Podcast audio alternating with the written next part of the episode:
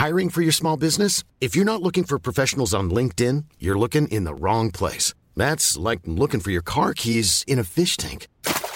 LinkedIn helps you hire professionals you can't find anywhere else, even those who aren't actively searching for a new job but might be open to the perfect role. In a given month, over 70% of LinkedIn users don't even visit other leading job sites. So start looking in the right place. With LinkedIn, you can hire professionals like a professional. Post your free job on linkedin.com slash people today.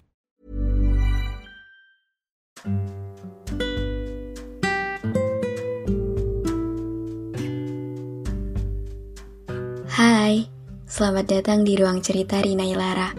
Sebelum episode ini dimulai, aku mau ngasih tahu kalau sekarang bikin podcast itu gampang banget. Kamu bisa install aplikasi Anchor yang merupakan bagian dari Spotify. Dengan Anchor, kamu bisa rekam dan publish podcast kamu langsung ke Spotify. Oh iya, kabar baiknya juga, aplikasi ini tuh 100% gratis. Jadi, cepetan download Anchor sekarang.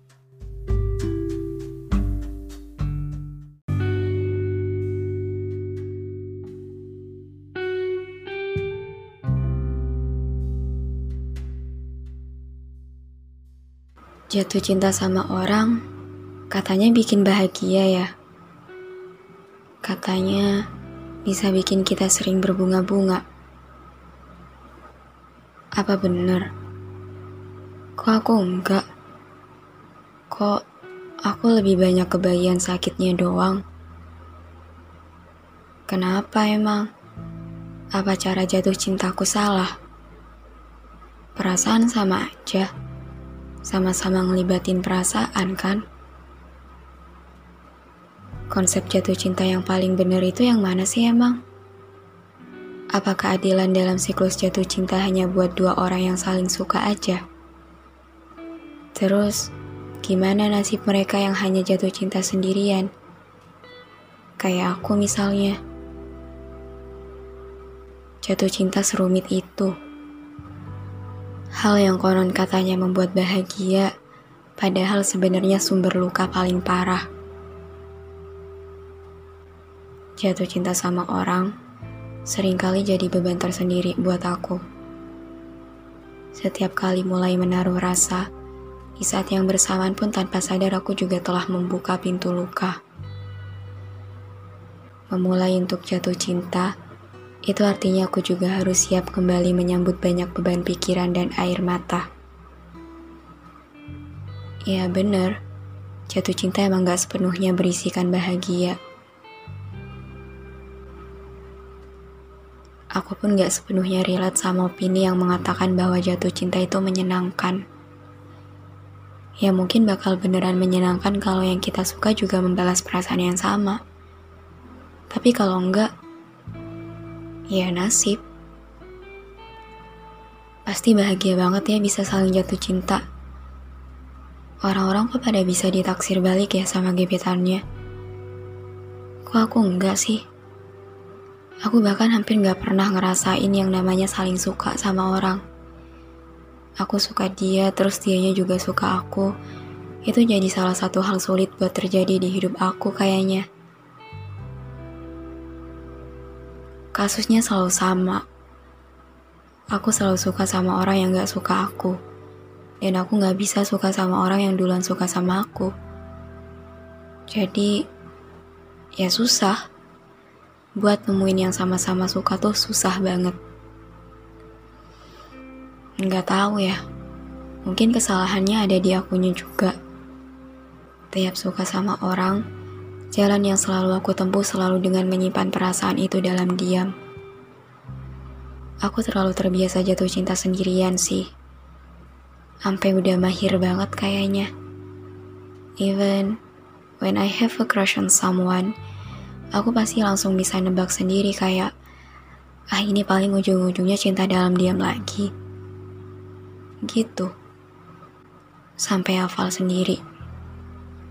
Punya perasaan tanpa pengungkapan tuh bikin stres tau gak sih?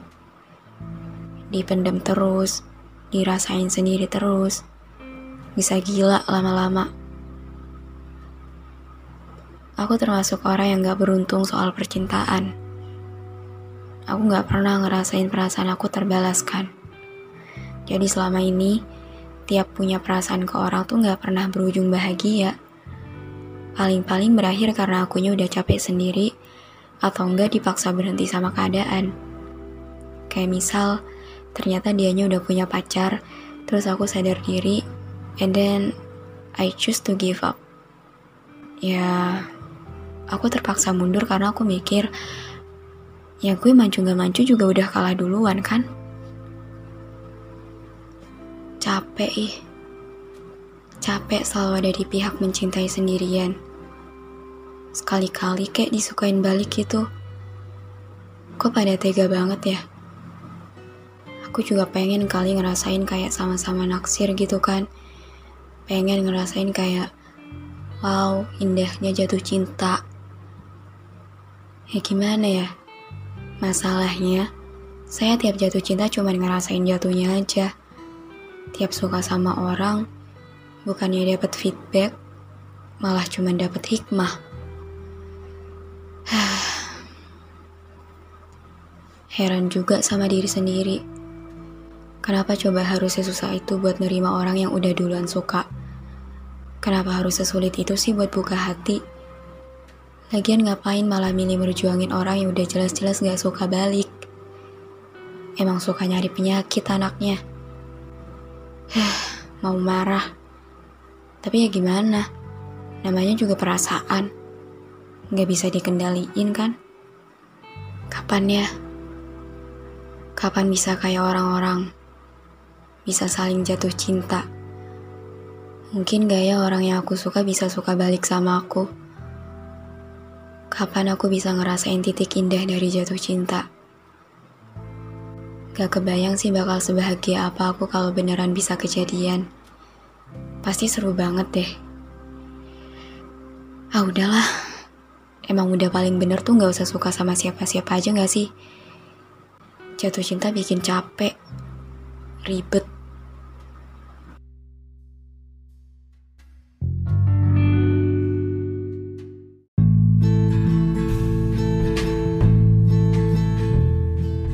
Terima kasih banyak udah dengerin episode ini. Terima kasih udah mampir ke ruang cerita yang gak sempurna ini. Semoga kalian senang ya datang ke sini. Anyway, jangan lupa follow podcast Rina Ilara ya.